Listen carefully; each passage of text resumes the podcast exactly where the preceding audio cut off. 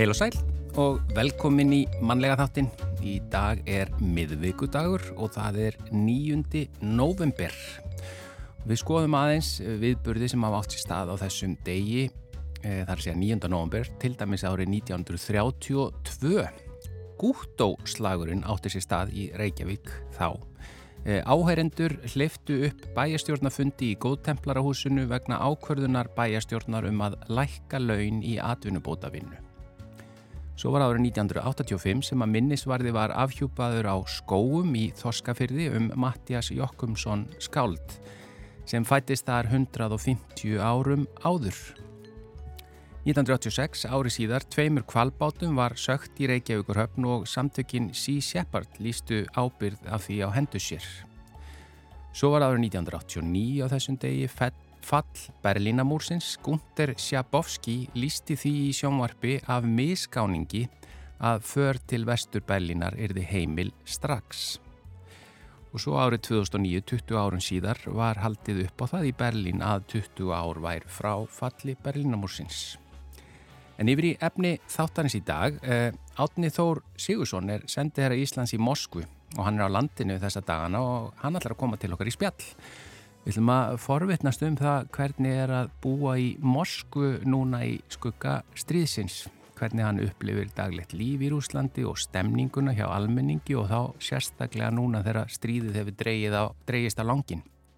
Og áður en átni var sendið hér í Moskvu þá hafði hann lært rúsnesku og unni sem leiðsugumadur í Rúslandi og var frettarittari fyrir rúf þar í landi og þetta eru óneitanlega sérstakir tímar til að vera í Rúslandi og Þannig að við viljum að fá bara átna til að segja okkur aðeins frá sinni reynslu af því hér á eftir. Og við fáum postkort frá Magnús R. Einarsinni í dag og í postkorti dagsins segir Magnús frá samgöngum sem eru mál, málana í Vesmanægjum. Þar talar fólk ekki lengur um lunda og ablabröð, aðeins ferjur, göng og hafnir. Magnús segir frá samgöngu áhuga eigaskeggja í postkortinu en líka frá núvitundinni sem er mikið í tísku um þessar myndir Yðnaðurinn í kringum hana veltir miljörðum í hvaða mynd sem talið er og í lokin minnist Magnús á þær reglur sem að gildu hjá ríkisútvarpinu um flutning á jólatónlist áður en útvarsleifi voru gefin frjáls.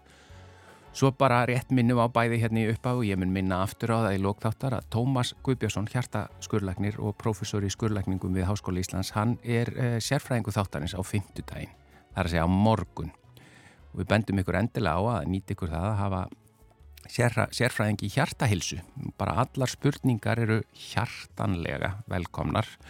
Uh, bara allt sem við kemur hjarta eða æðasjúkdómum kransaðasjúkdómar uh, eitthvað sem tengist jafnvel mataræði, háþrýstingi blóðþrýstingi, blóðfytu, síkusíki hvað sem er sem að tengist hjartahilsunni ef þið hafið spurningar uh, sem að því henni við kemur þá endilega sendið þær á okkur á uh, mannlegi hjá rú.is eða mannlegi at rú.is og Tómas mun gera sitt besta til að svara þeim á morgun.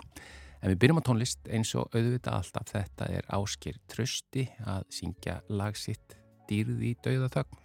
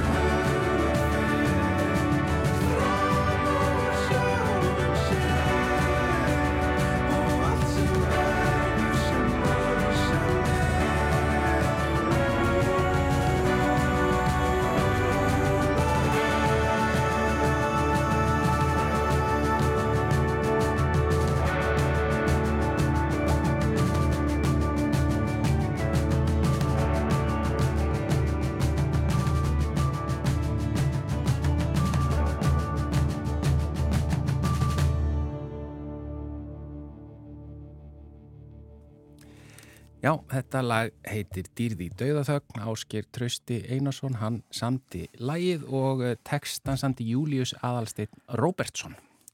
En eh, á landinu er stattur Átni Þór Sigursson, sendi herra Íslands í Moskvu og hann er bara hreinlega situr hér á móti mér. Velkomin í manlega þáttin. Já, takk að fyrir það. Ertu í löngu stoppi? Já, ég var svona tíu dag, ég kom í sístu viku og var að fara aftur um helgina. Já. Það er svona, já smávís. Ég hef, er ekki nóg með að við höfum auðvitað hýrt aðeins í þér eh, eftir að stríðið hófst eh, hérna eftir innrásuna í Úkrænu en ég hef hugsað oft til þín að því að þetta er óneitanlega sérstakt ástand og ykkar sem eru að vinna í sendiráðinu að, að þú kemur þarna út 2020, er það ekki? Já, já. Og, og þá er nú strax orðið pínu skrítið ástand bara út á COVID eða hvað, var það? Já, þá var Rúsandi voru kannski aðeins og eftir hérna, Vestur-Európu í, í, í COVID-samhenginu og, og en ég kem hann að sumarið 2020 og þá er, þá er auðvitað að byrja þessar takmarkanir á, á svona, ég vil segja, ferðalögum, uh, þú veist, fundum, viðburðum og öðru slíku þannig að, uh, þannig að svona fyrst fyrsti hlutin af, af dvölinu minni þar var, hefur við engendist af COVID og svo þegar maður var svona farin að sjá fyrir endan á COVID eða ljósið við endan á COVID-göngunum þá, þá byrja stríðið. Já, það er bara núni í februar Já. Þannig að það er raunni á þessum tíma sem þú hefur verið, þá er það kannski ekki verið alveg eðlilegt ástand. Nei, það má segja það, svona ekki, ekki svona venjubundin hérna störf með að við, hérna, við að það sem ég hefði ella verið að gera. Sko. Þannig að það er alveg klárt að, að þetta ástand hefur litað og haft áhrif á, á nákvæmlega það sem maður er að gera. Já, ég ætla að fara aðeins betur með þeirra eftir yfir sko hvernig þú merkir í rauninni bara breytingun á stemningun í landinu mm -hmm. En, en sko bara þetta að vera sendiherra í Moskvu Eh, Vantanlega þá eins og sendir á hann eru út um allt innan handar Íslendingum sem eru í landinu og, og, og þetta, öll þessi tengsl. Eh, þetta hlýtur að vera allt saman í allt öðrum farvegi í dag eða hvað? Hvernig starfið, bara daglegt starfi í sendiráðinu? Já, það má segja það sko. Það, það, er, það er mjög hefbundið að svona sendiráð þau eru auðvitað að glíma við og fást við auðvitað pólitísk og diplomatísk samskipti millir landana, uh, fást við viðskipta tengd málefni sem sagt að koma eða, eða vinna að auknum, auknum viðskiptum millilanda, menningarsamskiptum og, og slíku og svo auðvitað þessa þjónustu sem við kvöldum borgar að þjónustu við við eh, landsmenn. Eh, eh, þetta er nú svona kannski fjóra stóðir sem, sem eru mikilvægir í, í starfi sendiráðan og sumar eru við auðvitað að vinna með áfram eins og sjálfsögðu eru þessi pólitísku og diplomatísku samskipt þau eru til staðar þó þau séu náttúrulega miklu minni og, og reyndar, reyndar bara mjög takmörguð miðan við það sem að uh, venjulega er. Og svo eru auðvitað þessi borgar þjónusta Eh, það eru bæði varðar Íslendingar sem eru búsettir á okkar svæði og, og, og síðan eru við líka, e, svo staði líka uppi að það, það er talsverður hópur af, af rússun sem bú á Íslandi eða íslenska maka og þar er leðandi fjölskyldur í Rúslandi sem að, sem að e, fólk hefur líka haft áhyggjur af og, og við höfum í sumum tilvægum líka verið að, að liðsina. Ég menna, veistu hvað um það byrja eru margir Íslendingar í Rúslandi í dag og eru margir til dæmis námsmenn eða? Já, það eru mjög fáir Íslendingar í Rúslandi eins og sækistanda, það eru bara kannski tíu manns eða eitthvað svo leiðis. Eh, tíu Íslendingar í öllu landinu? Já, svona sem við vitum um, sko, það, það er nú ekki meira en það sko, eh, en og með námsmenn þá, þá var það þannig að höfum, það hafa alltaf verið, það hefur alltaf verið einhver viss hópur námsmanna, mm. en, en það er verið dættu fyrir í COVID og áttu svo að fara af stað aftur uh, núna haustið uh, í haust en, en þá sem sagt setti stríð, stríðið strikið þann reikning þannig að, að það eru engin ásmenn í, í, í landinu svo sækistanda. Og, og eins og segir að þið hjálpa til við, með viðskiptasambund og annað e, e, en nú er náttúrulega bara viðskiptabann. Já, en á móti kemur og það er náttúrulega kannski það sem er svolítið áhugavert í þessu er að, er að einmitt sko þessi staða sem er uppi, hún kallar á það að við, að við erum að sinna öðrum verkefni, við erum að greina stöðuna, þróununa í landinu, greina stöðuna, afla upplýsinga um hvað er í gangi, hvað, hvað kann að gerast á næstunni.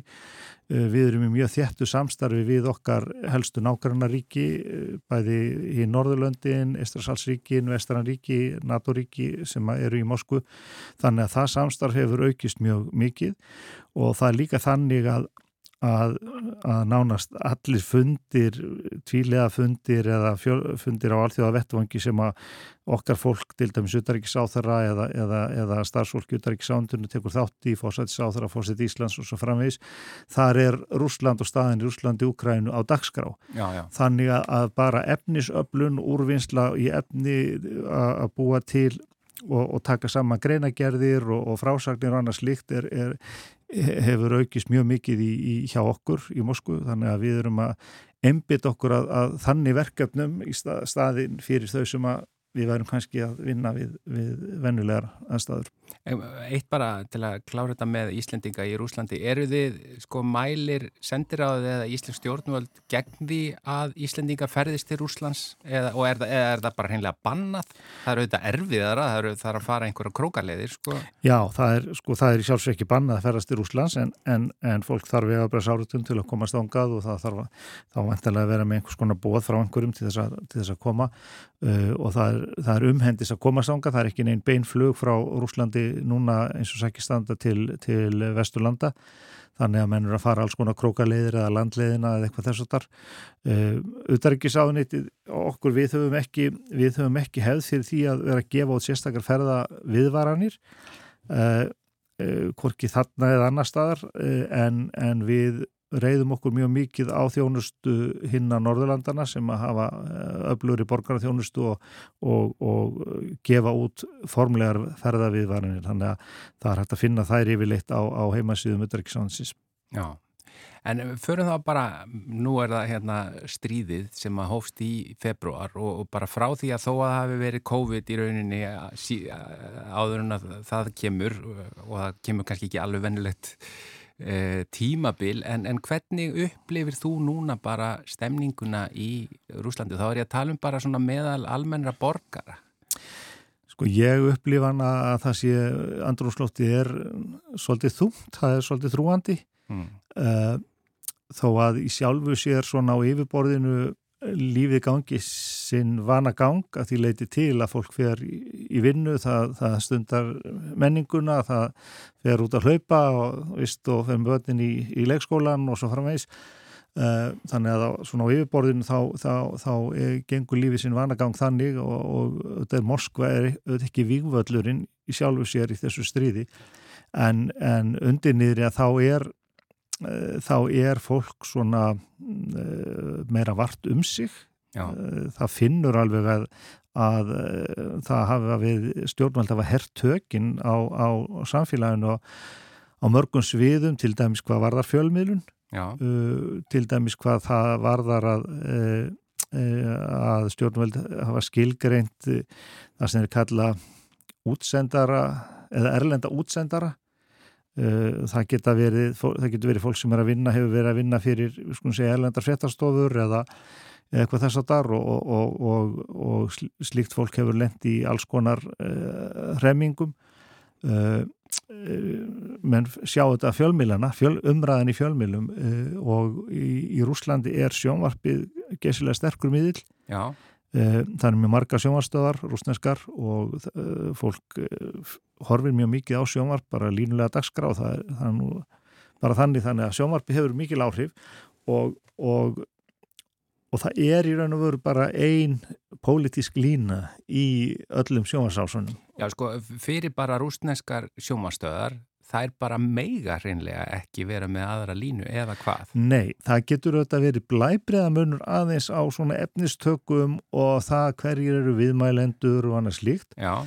en í öllu megin, megin dráttum þá er, þá er línan hins sama, hún, hún er bara svo sem að stjórnveldi í Kreml eru þóknæleg. Já, en sko að því þú getur fylst með rúsneskum miðlum og, og skilur rúsnesku mm -hmm. og, og svo sérðu vantanlega aðra fréttamiðl, og ég meina hvernig það líka, getur þú fylst með e, fréttamiðlum frá vestrinu e, og ég meina rúsneskir e, ríkisborgarar og bara í Rúslandi, er þetta ekki lokað fyrir meira minna eða hvað? Sko, það hefur verið lokað fyrir mjög marga vestræna Eh, fréttavitur og, og eins og til dæmis bara BBC og, og CNN þessar stóru fréttastöðar það er loka fyrir þær og það er loka fyrir samfélagsmiðli eins og Facebook og Twitter, Instagram.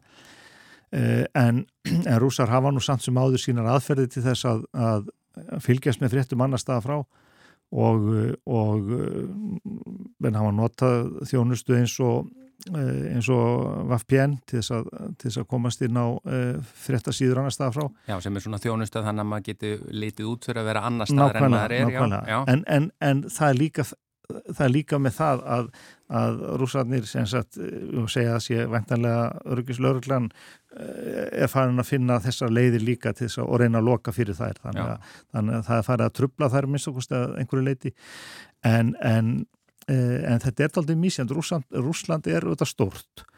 Og, og þetta er svolítið mísjönd sko milli stórborgan annars vegar eins og Moskvu, Pétursborgar, Jekatarinburg eh, og svo landsbyðarinnar hins vegar. Og það er svona fólki í stórborgunum hefur miklu auðveldari aðgang að segja gaggrítni umræðu heldur en, heldur en um hinnar drefið byggðir eh, vitt og breytt um, um, um Rúsland þannig að Þannig að það hefur líka áhrif á afstöðu eh, að það er öðruvísi afstöða kannski í borgunum heldur en út, út í sveitunum. En þetta þá allavega einhverjir geta með krókaleðum séð eh, erlenda fjölmeila sem er greinilega eða ekki allt aðrar fréttir en er verið að matriða í Rúslandi. Jú, jú. Og hvernig, ég menna, Hvernig upplifur er almenningur að trúa því sem að þau fá matritón í sig á rúsnesku stöðunum eða, eða er, og líka því nú stríðið dreyist svo mikið á langin? Já.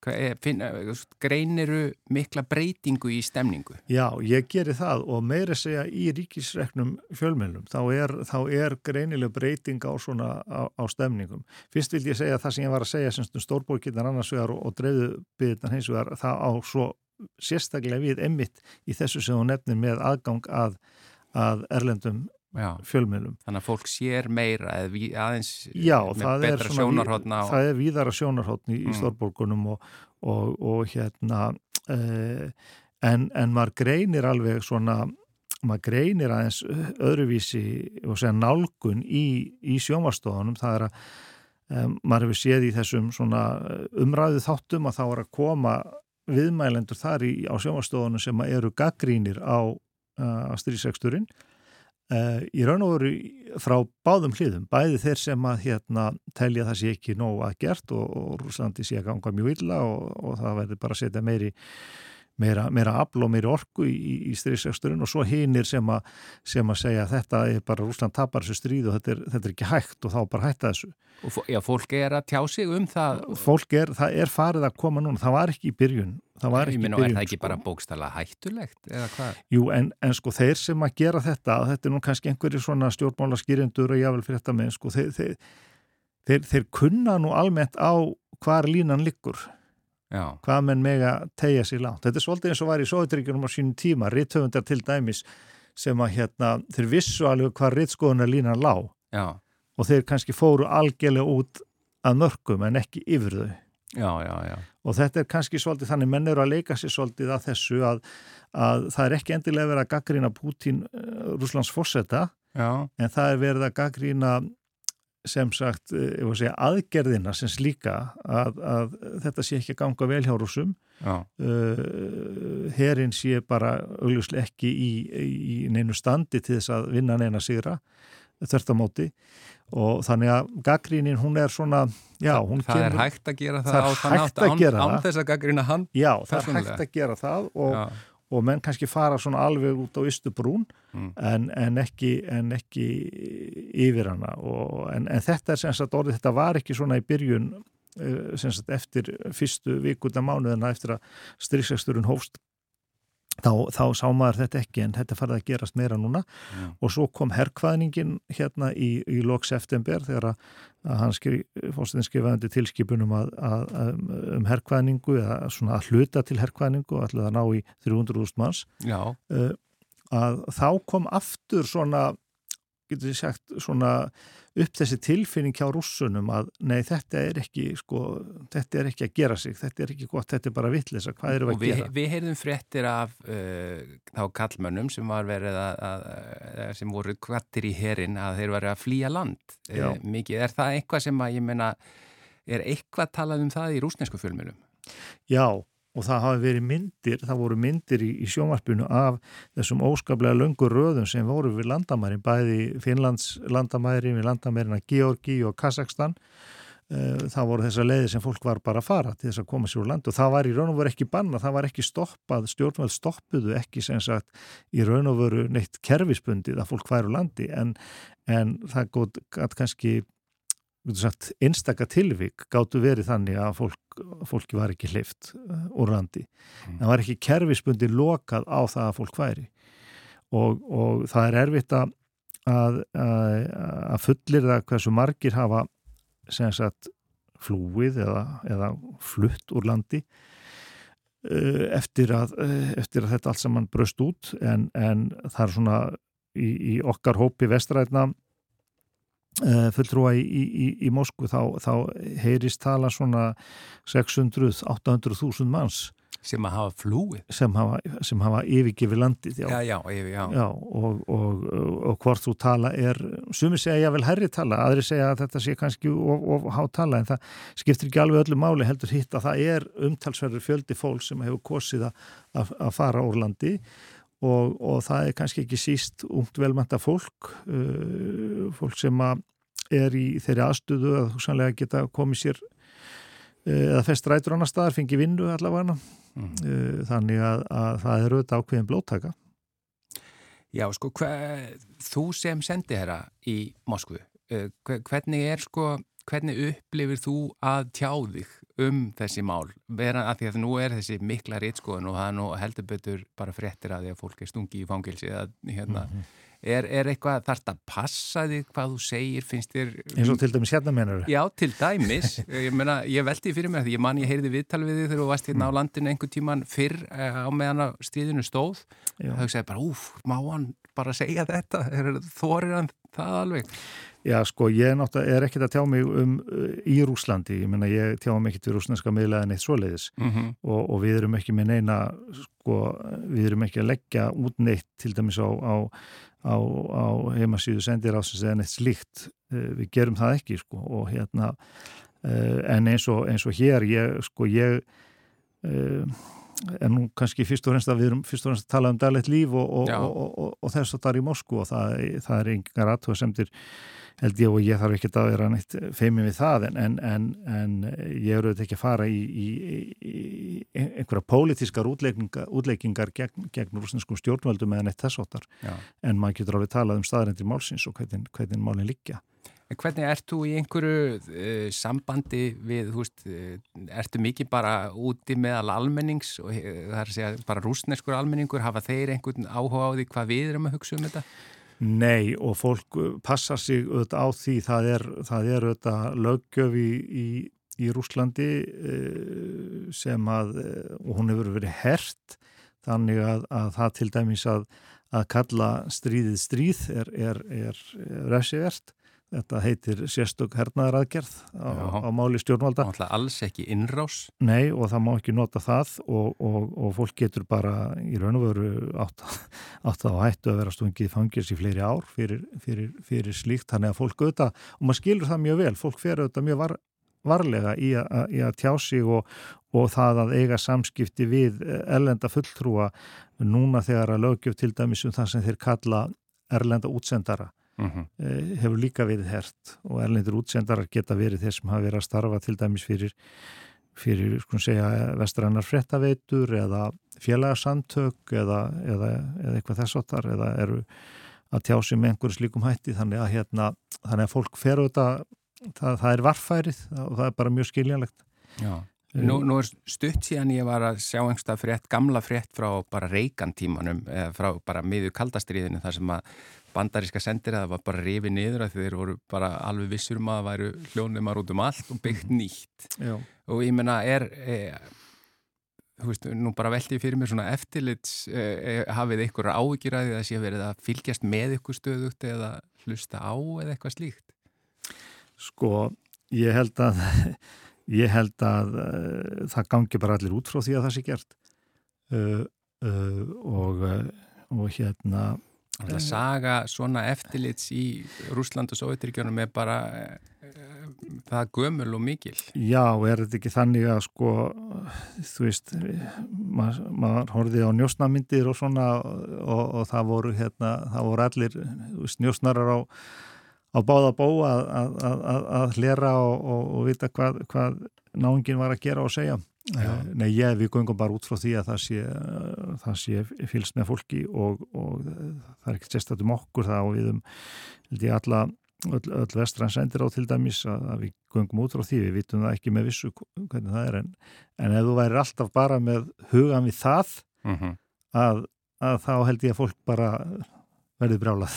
En, en talandum sko stemninguna bara hjá almenningi uh, að því að nú hefur stríðið dreist þetta mikið á langin og, og líka það kannski hver afstæða annara landa eða veist Vesturland og í rauninni bara nánast flestra landa voru mjög sterk afstæða gegn stríðinu sem að mögulega, ég veit ekki, kom kannski öllum nema mögulega Putin á óvart eða líklega honum líka Mm -hmm. ég meina upplifir þú hjá bara rúsneskum almenningi að það hefði komið um á óvart hver Eh, hversu hörða eh, andstaða var við stríðið bara frá nánast restinum, restinu heiminum? Já, ég held það og ég held að almenningi hafi, þetta hafi komið almenningi líka óvart en auðvitað, auðvitað eru líka margir sem að trúa bara frá, sagt, sögu skýringunni sem er í rúsnesku fjölmjölum um að Rúsland eigi stríði við, við, við Vesturlund og það sé óveinurinn og Vesturlund sé óvinnurinn og Rúsland sé að verjast því. Það eru þetta um, fjölmarki sem, sem að trúa þeirri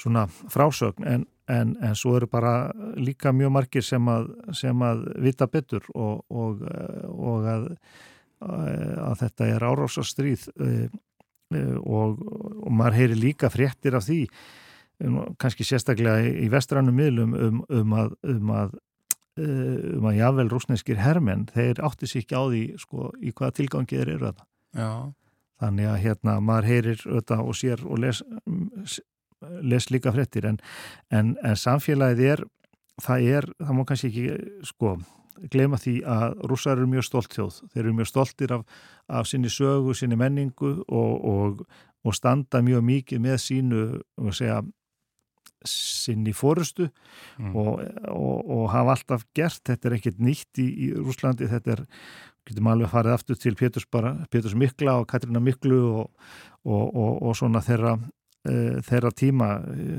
nokkur hundur ára aftur í tíman þannig að Rús, það, þjóðastolt er mjög ríkt í, í rúsum e, og þetta að Rúslands er stórveldi sem að þurfi að taka marka á, á, á, á alþjóðasviðinu e, og að það hafi ekki verið gerst og það sé kannski Rúsland það hefði einhverju leiti verið nýðurlagt þessi, þessi tótt, þetta er tótt sem að maður heyrir alveg frá, frá, frá rúsum og Já. svona í umræðu þáttum í, í sjónvarpi og, og, og, og þess að þar en, en ég held að sko allur almenningur og það var, var sérstaklega vart við það þegar herrkvæðningin fór af stað núna í lok eh, september að þá, þá fær sko fólk einhvern veginn sko þetta stríð svo mikið inn á sig inn í, til, inn í, inn í, í sínur eigin fjölskyldur. Já, það fólk, kemur svona nýtt stíg Já, fólk fyrir að hafa áhyggjur af, af það á síni, það á bræður það á feður, þú veist sem að hérna, sem að getur hugsanlega verið hvað er í herin og fólk hefur áhyggjur á því. Þannig að þetta komið miklu nær almenningi.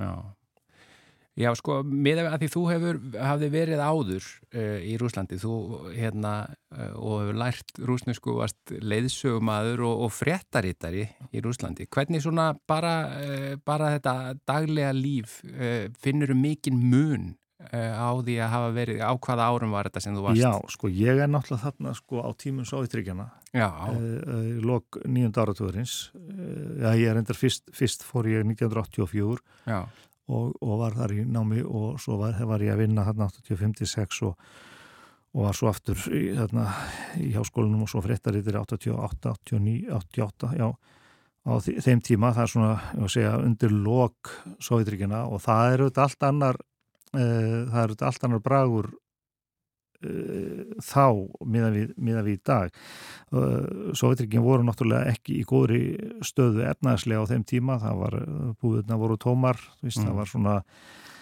Uh, Gorbachev var með sína etnaðastefnu og, og svona opnunarstefnu sem var nú almennt liti mjög jákvæða mögum sérstaklega Vesturlöndum en, en rúsa voru kannski ekki óskaplega, voru kannski ripna til að byrja með en, en þegar etnaðasumbætina leta á sér standa þá, þá var hann nú ekki eins vinsall eins og, eins og við þekktum hann hér á, á Vesturlöndum mm -hmm. þannig að það eru þetta allt önnur aðrar aðstæður þá og núna og núna minna, þú, þú ferði alveg út í búði í, í, í Moskvu og minna, Moskva er stórborg minna, hún, með allt sem því fylgir og þú ferði alveg út í búð og þú kaupir þína vörur og allt eftir því eh, eh, þar sem við merkjum eh, þar sem við merkjum núna er að það eru þetta vissar Vistra, viss vestran vörumerki sem eru að hverfa árbúðunum uh, í stórmarkuðunum eru, eru vestlanda keðjur vestrænar sem hafa lokað.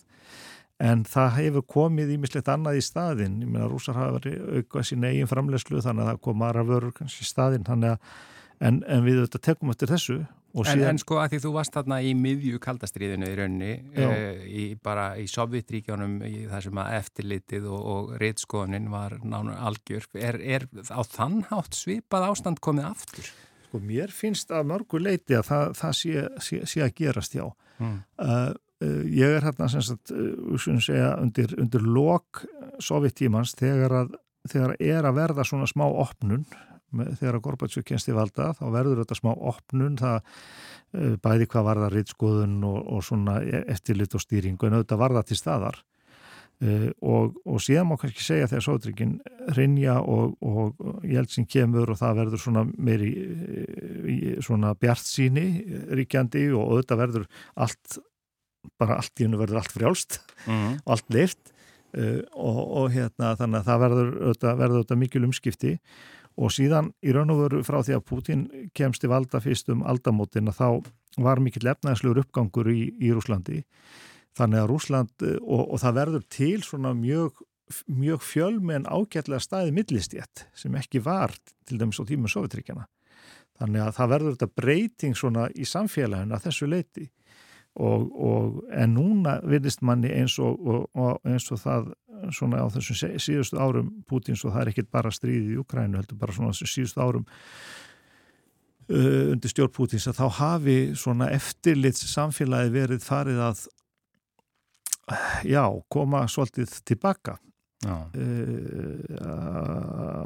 að miklu leiti að miskust að vissu leiti og, og, og það eru þetta bara mjög daburt að fylgjast með þeirri þróun Já, Átni Þór Sigursson, þakka kærlega fyrir að koma í manlega þáttin og gefa okkur svona aðeins insýn inn í það hvernig það er að vera uh, í Rúslandi og í Moskvu uh, í dag á þessum tímum og þú ferði aftur til Moskvu uh, bráðlega og er, þú þarfst að fara einhverja krókaliði.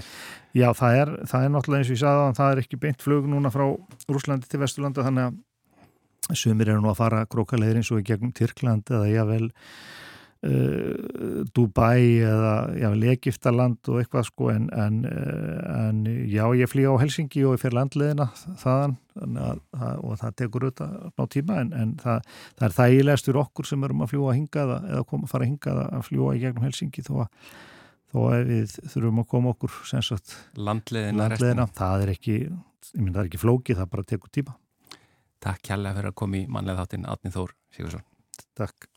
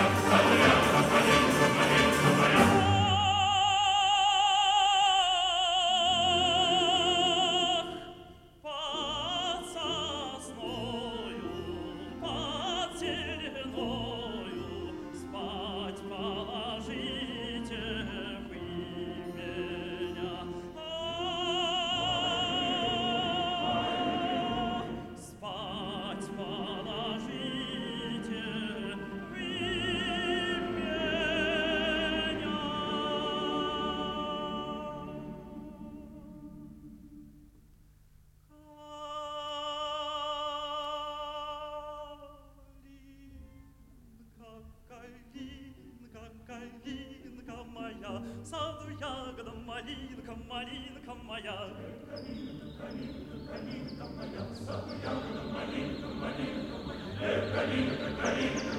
नमयम समय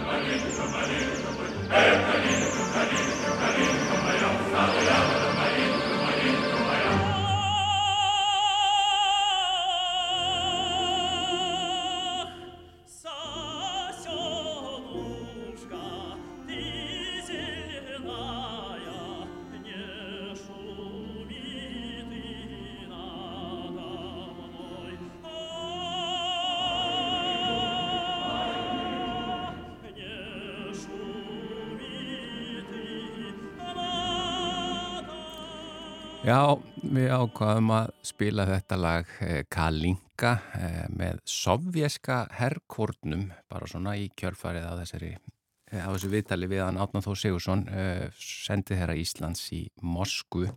Þetta lag er eftir Ivan Larionov kannski klísi að spila þetta lag í þessu sammingi en, en þetta var það rúsneska lag sem ég fann sem að ég held að allir myndi þekkja og tengja. En nú er komið að postkorti frá Magnúsi R. Einarsinni. Hann mun ræða ímislegt í því í dag. Heil og sæl. Nú er ég búin að fatta af hverju vestmanningar tala ekki lengur við mann um veður og vinda, skip og báta, veiði og abla, íbi, vaff og fótbolta og gömul skáld þegar maður hittir þá. Það samræður hafa vikið algjörlega fyrir einu máli sem er reynda til mikill að vandraða í nútíma samfélagi hér í eigum og allir vilja að leysa sem fyrst. Allir hafa skoðun á því og allir vilja leita að bestu lausninni. Samgöngur upp á land sem þeir kalla af einhverjum ástæðum fastalandið eiga hug þeirra allra. Kanski upplifaði þeir sig svona sögulega séð á einhverjum ótryggum lausastað þar sem gís af og til og þurfi þess vegna svona síkológíst að eiga tengingu við fast land. En það hafa eiga skeggjar í gegnum söguna upplifað miklu meira tráma en annur byggðarlög við Íslands strendur. Allavega þá hafa samgöngum millir eiga og lands rakað að undanförnum. Þar kemur ímislegt til sem ég get ekki fyllilega útskýrt í stuttu máli. En staðan er svo að nú er ekkert áallunarflug millir eiga og lands. Það hefur leiðið niðri nú í nokkur misseri og enga lausnir hafa verið kynntar á þeirri stöðu. En nýja ferjan, Herjólfi fjörði, er sem stendur í klössun í Hafnarfjörðarsleip. Gamla ferjan, Herjólfur þriðji sem var búið að leia færiengum, hún var leið til baka svo samgöngur rofnur nú ekki alveg. En gallin er sá að Herjólfur þriðji ristir dýbra ens á fjörði og hendar því ekki í landeigjuhöfn nema á grindri öldu ens á nýji og þar munar nokkru.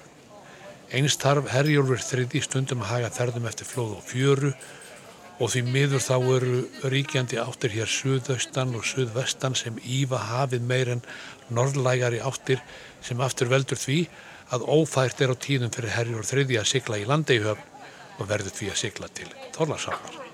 Og þá eru bara farnar tvær ferðir á dag í stað sjöferða þegar herjurfur fjörði er í lægi og sjólag innan marka. Og nú má ekkert út að bregða ef það brotnar einn lega í gömlu ferjunni þá er auðvitað ekki silt á meðan viðgerði stendur sem getur tekið tíma. Og allt þetta eru öllum ljóst og menn þekkja personur og leikendur sem standa í því að retta málum og nándin er mikil í eigum og hér fréttast hlutinir á leiftur hraða. Og þegar maður hlustar á og fylgist með umræðinum samgöngur hér í eigum þá furða ég mig á því hversu margir eru algjörlega vissir um að göng undir eigasund upp í landiðjar sé eina alvöru lausnin á vandan. Gallin við hugmyndin um göng á þessari átján, já, 20 km leið er aðalega sá að það hafa engar alvöru rannsóknir farið fram á möguleika þess að krafa göng millir eigi og lands. Og þar afleiðandi er ekki ennvitað hvort þau eru raunhæfur kostur og ekki bara raunhæfur kostur, yrði þetta algjörlega örug leið. Við þessu þarf að fást svar sem fyrst og þess vegna eru allir sammála og samtaka í því að setja þunga pressu allstaðar málinu til framkvæmast. Og það er yfirgnæfandi stuðningur við hugmyndina um göng eins og kom skýrt fram í bæjastjórnarkostningunum í vor og svo vissir eru eigamennum göng að þangatöl þau koma eigi bara að hugsa í skamtíma lausnum. En þá finnst manni að þær skamtíma lausnir verða að vera nokkuð snjallar því þær verða jú að duga í þá ára tugi sem tekur að undirbúa smíða göng af þessari stærðakráðu. Til samanburðar má geta þess að nú er verið að smíða göng frá Þískalandi til Danmerkur. Femarn göngin svokvölduð sem verða 18 km laung og þar með lengstu göng sinna tegundar. Smíða segi ég vegna þess að það er ekki verið að bóra göngin heldur smíða þau þar sem þau munu liggja ofan á sjávarbotninu. Þetta verkefni er búið að taka rúmlega 30 ár og ekki lokið enn og kostnaður er áætlaður um 1,5 trilljón íslenskara króna. Göng millir lands og eiga, það verður aldrei ódýr lausni við hann að verður ráðist. En ef til þess kemur, þá er það ekki laust fyrir neftir cirka 15-20 ár. Þannig að ég sem lítill áhuga maður um göng hvaða nafni sem þau nefnast, fyrir því ekkert að til þess komi að ég þurfa að ferðast um þau. Þegar ég kem stundum að í umræðum samgöngur legg ég alltaf til að kiftar verði hraðgengar ferjur sem myndur sigla til og frá þólasöfna á tveim tífum en undirtæktir hafa verið afar döfar. En það er áhugavert og ég raun falletti sjálfu sér að verða vitnað henni viðfrægur samstöðu eigamanna þegar kemur að því að díla við aðstæður þeirra gagvart um heiminum, gagvart náttúrinni og nú snýst hún að samgöngum við meginlandi.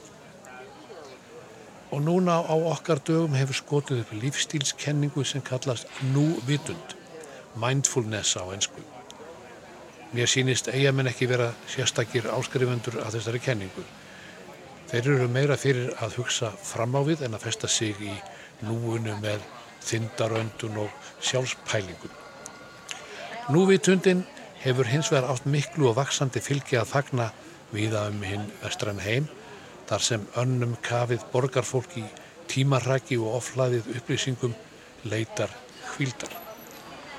Núvitundin verðist bjóða friðsala höfn í stormi tíðarinnar og tækifæri til sjálfskoðunar. Allt sem tengist núvitund verðist líka seljast eins og heitar lumur. Bækur, upp, podcast, vídeo, námskeið og svo verslun fer fram nánast engöngu á netum og þetta er bísnes upp á marga miljardar í hvaða mynd sem talið er. Stórt fyrirtæki eins og Google, Apple, Sony, IKEA og fleiri hafa gert núvitund að hluta í þjálfum starfsmanna og það er sagt að fólki verði lukkulegra, yðnara og veikindardögum fækki eða stundar núvitund. En nú eru komnar upp nokkrar efasemdarattir um gagsemi núvitundar og spurt hvert ef hún er að leiða fólk. Til er bók eftir Will Davies sem er lektor við Goldsmiths háskólan í London og bókin heitir The Happiness Industry eða Yðnaður Hamingjunar. Þar segir hann að nýlega rannsóknar geðhilsu okkar séu að opna aðgang að stórri gróðalind.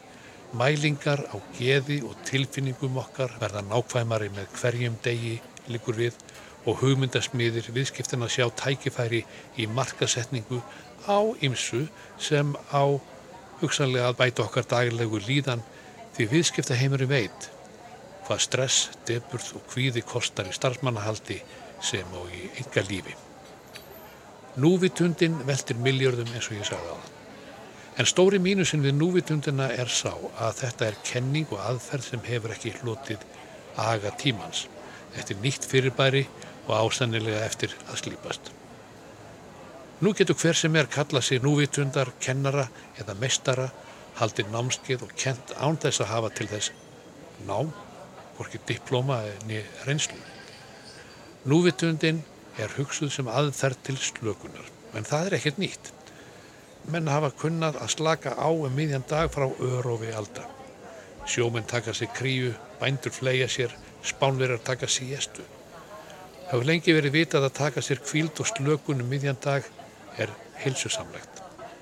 Það þarf ekkert sérstaklega hjálpartæki til þess, aðeins tíma, cirka hálf tíma á dag.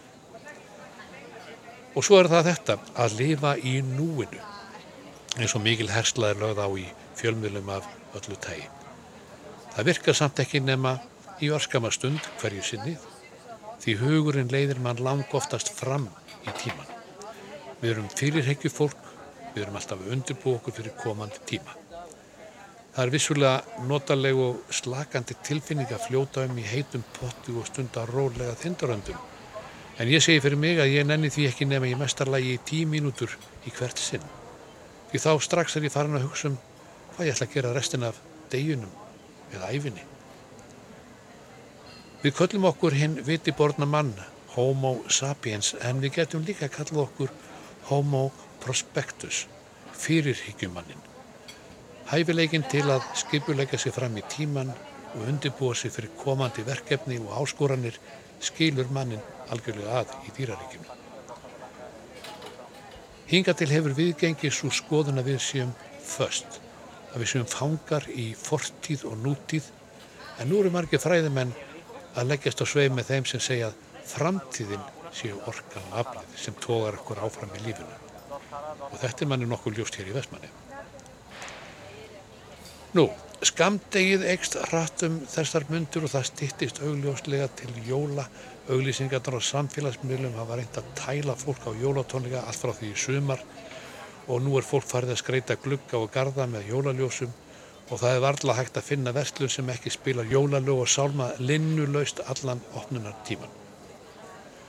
Þegar ég byrjaði sem starfsmæður á tónlistdeild Ríkisútarsins skólagúti fjögur árið 1985 þá var mér sagt að jólalög mætti byrja að leika í útvarpið frá og með Nikulásarmessu. Nikulásarmessa er 7. desember.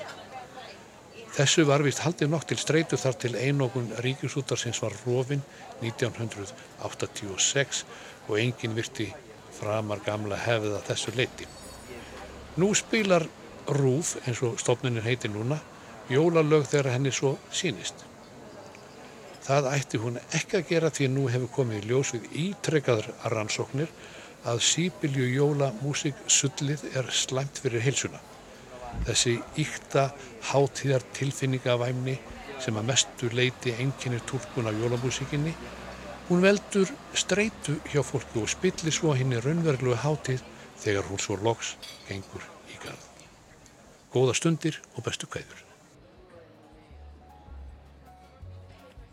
Já, þetta var Magnús R. Einarsson og postkort frá honum.